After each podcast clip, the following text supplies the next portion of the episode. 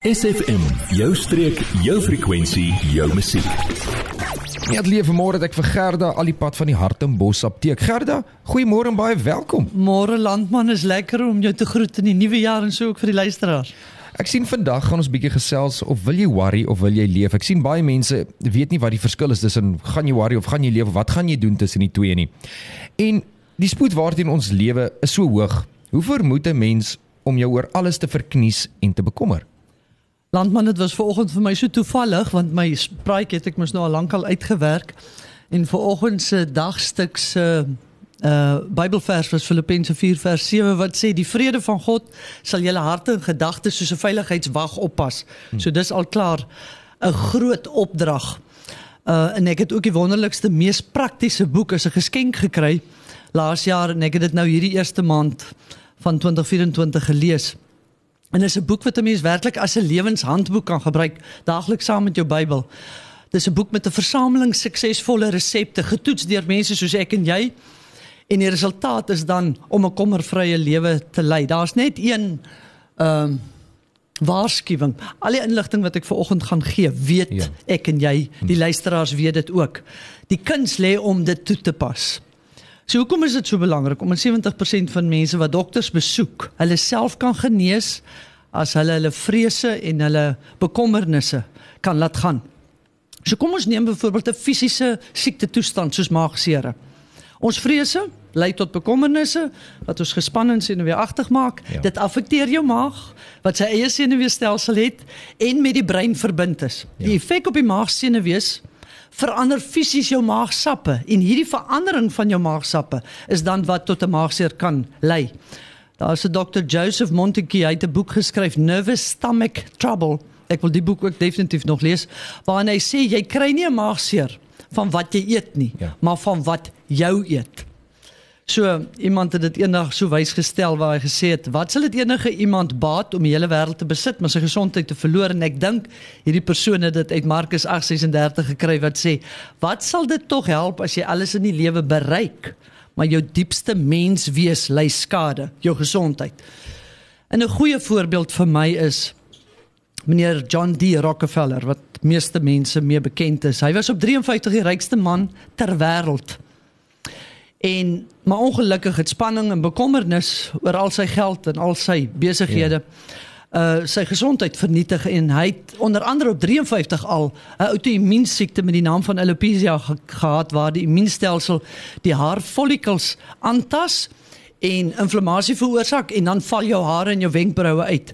En sy dokters het hom vir die volgende keuse gestel. Het gesê jy moet of kies tussen jou besighede jou geld en jou bekommernisse of jy moet begin leef. En hy moes aftree of bereid wees om te sterf. Dit was 'n kort die boodskap wat die dokters vir hom gegee het. En hy het afgetree in die volgende 3 reëls vir die res van sy lewe toegepas. Die eerste een, hy moes van die gewoonte en ja, bekommernis en verkniesing raak 'n gewoonte as 'n mens dit nie hokslaan nie. Om hom te verknies en bekommerd te wees, moes hy van ontslaa raak. Hy moes leer om te ontspan, ja. matige oefening by te doen. Hmm. Want so raak 'n mens van jou oortallige uh streshormone soos adrenalien, kortisol ontslaa. Hy moes 'n goeie en 'n gesonde dieet volg. Hy moes leer om stadig te eet. Hy moes leer ja. om op te hou eet so klein tydjie voordat hy versadig is. En dan het hy bygevoeg. In die aande wanneer hy nie kon slaap nie en hy neem retrospeksie van sy lewe, het hy besluit om die geld te gebruik om ander mense se lewens vir hulle meer draagliker te maak want hy kon in elk geval nie met die leeftyd voor hom ooit van sy geld ontslaa raak of dit uitleef nie. En meneer Rockefeller was besig om dood te gaan op 53 en omdat hy die reëls van die dokters gevolg het, het hy tot 98 geleef. En gade mense besef jy het net een lewe nie, jy het net een jy het net een gesonde lewe of liggaam wat jy mee kan lewe mee. Ja, geld en en en ehm um, Materiële goed is alles goed wat weer gemaak kan word. Nee. Maar ongelukkig as jy jou gesondheid verloor het, kan die meeste geld dit nie eers terugkoop nee, nie. Nee, verseker. Ons sal so vinnige musiekbrief vat dan gesels ons verder met Gerda Versaghi van die Hartenbos Apteek. Jy, ja jy.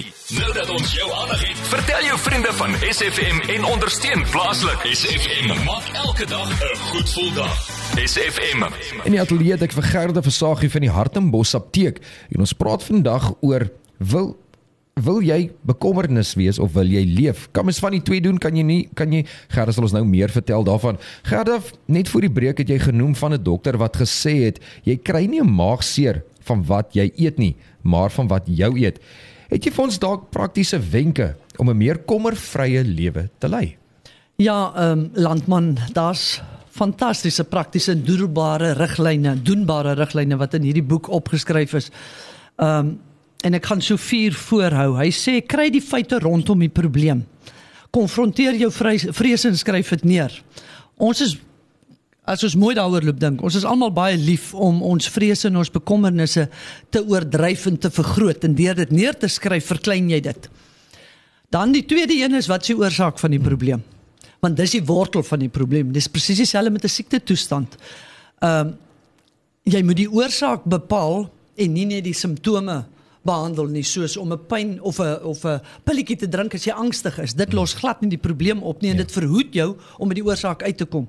Skryf dan 'n paar moontlike oplossings neer. Dis nommer 3. En nommer 4 is kies een van hierdie oplossings en neem aksie.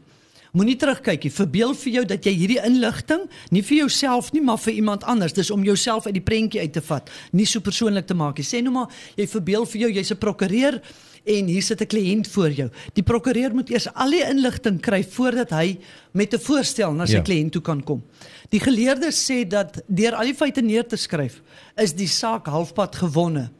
Dis los hierdie vier riglyne klaar 50% van die probleem op. In die oomblik wanneer jy dit doen, begin hierdie gedagtes ophou maal in jou kop wat jou mal en hmm. moeg maak deur die dag. Ja. Nou Liam Shimkin, hy's 'n bestuurder by een van die grootste publikasiehuise in Amerika het die volgende reël of prosedure by sy werk ingestel om te verhoed dat hy soos die vorige 15 jaar uitgeput, bekommerd, belaaid met spanning saans huis toe gegaan het as gevolg van almal wat deur die dag hulle probleme by hom kom damp het. So sy nuwe reël was nadat hy 'n werkswinkel oor how to stop worrying and start living bygewoon het dat enige iemand by die werk wat 'n probleem aan hom wou voorhou, 'n memorandum, dit beteken iets op skrif aan hom moes voorlê waar die werknemer klaar die volgende vier, uh, vier vrae wat ons nou net genoem het, ja. reeds beantwoord het. So hy moes geskryf het wat is die probleem, wat is die oorsaak, moontlike oplossing en laastens moes die werknemer met 'n oplossing gekom het. So meneer Sim kan dit gesê dat 75% van die tyd wat hy aan probleme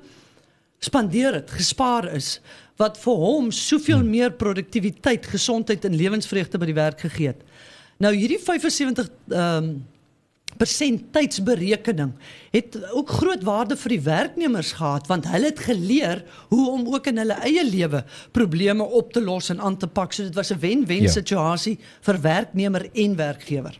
Jy het nou net so vinnig genoem Gerda van jy as jy as jy angstig voel of jy enige kwaal wat jy het, jy neem gou 'n pilletjie en dan dink jy jy's gesond. Daai pilletjie onderdruk net daai simptome vir 'n rukkie en dan en verhoed dat jy by die oplossing uitkom. En dis die probleem wat ons ja. het.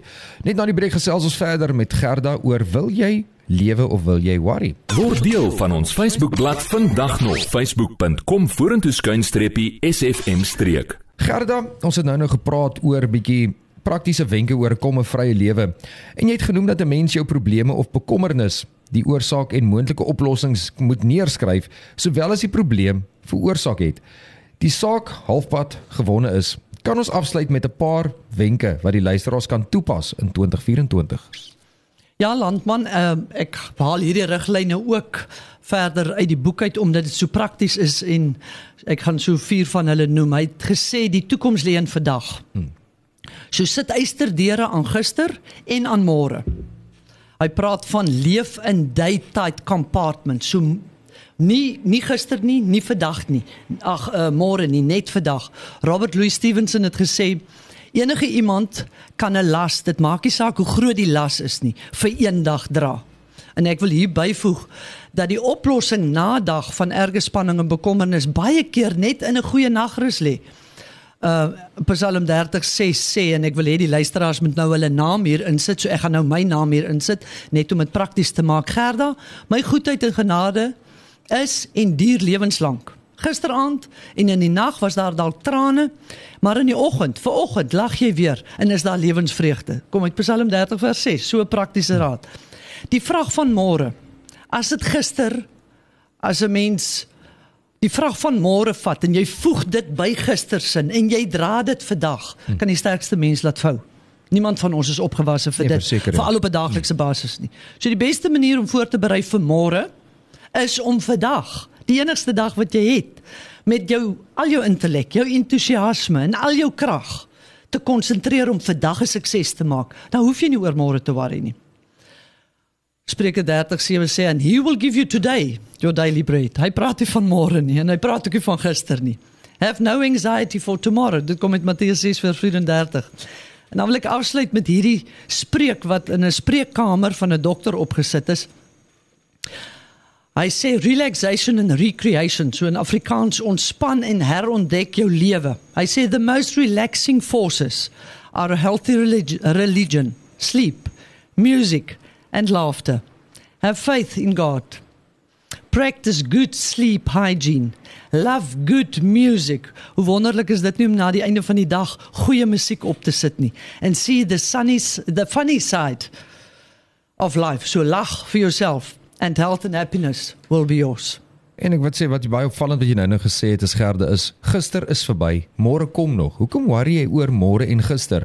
Fokus oom- op vandag. Absoluut. In die oomblik as jy gister saam met vandag dra, affekteer jy jou effektiwiteit, jou produktiwiteit vir vandag. So jy kan nie 'n healthy happy life vandag leef as jy gister saam met jou sleep nie. Presies, moenie worry nie. Moenie worry nie. Gerda, waar kan die luisteraars vir Hartembos apteek in die hande kry? Waar is julle geleë en waar kan hulle inligting van hierdie praatjie kry as hulle dalk gemis het? Ons is in die hoofstraat van Hartenbos, reg oorkant Hartenbos Laerskool, baie parkering voor die apteek.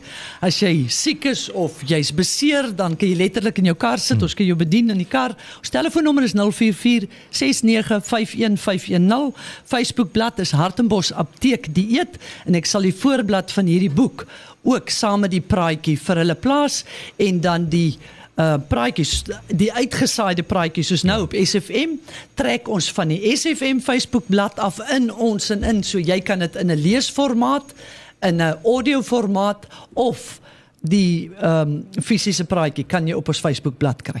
Gerda, ek sê vir jou baie dankie dat jy kom inloer het vir die laaste keer in Januarie 2024. Kan jy dit glo? Absoluut. Ek Maak dit- die res van 2024, die 11 maande wat oorbly, 'n kommervrye lewe. Dankie Gerda. Dankie landman. Adverteer jou besigheid vandag nog op SFM. Vir meer inligting skakel SFM gerus by 044 801 7811.